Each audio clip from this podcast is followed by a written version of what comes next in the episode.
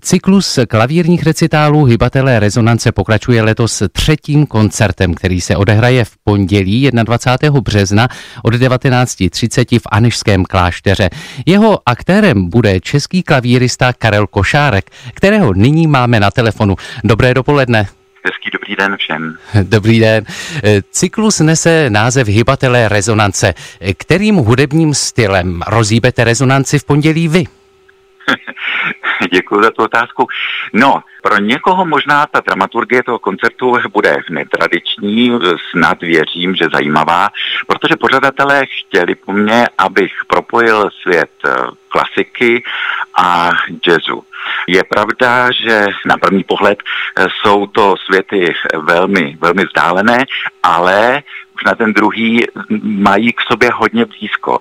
Takže zazní hudba jak George Gershwina, slavného amerického skladatele a pianisty. Bude na programu samozřejmě veleslavná Rapsodie v modrém, která zazní pochopitelně v té prvotní, v té solové verzi pro klavír, ale zazní také skladby, které obyčejně nebo ne tak často na českých podích nezní nebo nejsou dopravdu zařazovány a to třeba jako variace anebo transice jeho písní nebo preludia Gershwinovská pro klavír. Někdo mi může říct, jako, že ty všichni známe přece, ale Gershwin nenapsal jenom tři, tak jak jsou všeobecně v povědomí, ale bylo jich šest, takže šest preludí zazní eh, v první polovině koncertu. A pokud byste chtěl po mně, abych eh, povídal tu druhou půlku koncertu, což Určitě, určitě se rádi dozvíme. Já jenom vstoupím do vašeho ano. Eh, povídání svět klasiky a jazzu nebo jejich propojení.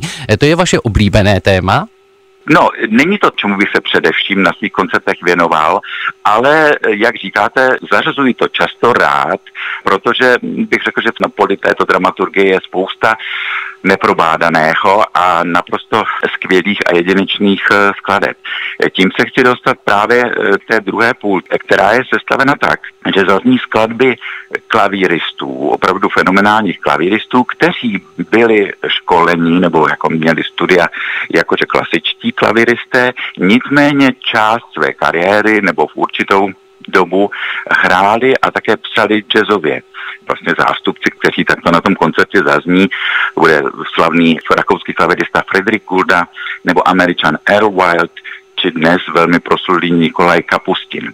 A jsou to skladatelé, kteří vlastně si často pro své skladby brali formu klasiky ale skládali vlastně v jazzovém idiomu. To je příklad Gouldovi, úžasné preludia a fugy, kterou napsal, teda samozřejmě, což je barokní forma, ale v jazzovém idiomu a s nesmírně nápaditým koncem a vůbec eh, inspirací obrovskou. Děkujeme za to vysvětlení, protože to určitě posluchače zajímá nejenom u nás v rádiu, ale i na koncertu. Eh, všechno to pozadí, že jde o klasické eh, klavíris nebo spíše skladatele, kteří mají určitý vztah k jazzu.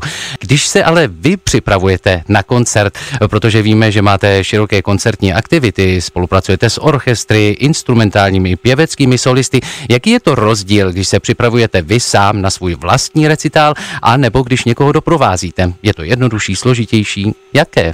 Těžko se to dá takto nějak eh, definovat. Já si myslím, že ta prvotní fáze je u všech vždycky stejná, to znamená tu skladbu se skvěle naučit. Potom samozřejmě, pokud hrajete skladbu pro ansámbl, nebo jak jste říkal, tu komorní, mm-hmm. to znamená klavírní kvintet, trio, nebo člověk doprovází zpěváka nebo houslistu, tak tam samozřejmě k tomu logicky eh, se přidávají společné zkoušky a vlastně společný nějak tříbení toho pohledu hudebního na tu danou věc což třeba při přípravě na solový recitál nebo solový koncert eh, pochopitelně odpadá, tam už je člověk jako na všechno sám.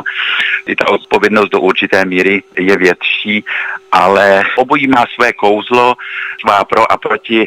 Eh, když jde člověk na pódium eh, s komorními partnery, tak je to třeba i veselější, nebo prostě ta radost z toho muzicírování se dělí a násobí.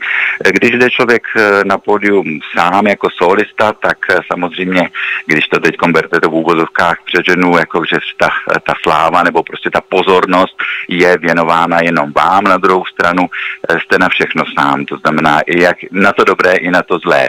My vám pochopitelně pochopitelně přejeme, aby to úsilí, které jste věnoval do přípravy celého koncertu, aby bylo zaslouženým potleskem odměněno a pochopitelně, aby posluchačů přišlo co nejvíc. A jak už jsem se díval, zbývají jenom některé vstupenky, jenom pár vstupenek, takže to je opravdu ještě poslední chvíle na to, aby si eh, vaši hru mohli posluchači poslechnout. Připomínám, že koncert se koná v Anešském klášteře 21. března, což je příští týden v pondělí od 19.30 a ke vstupenkám je možné se dopracovat i přes internet a to například na webových stránkách koncertního cyklu Hybatelé rezonance.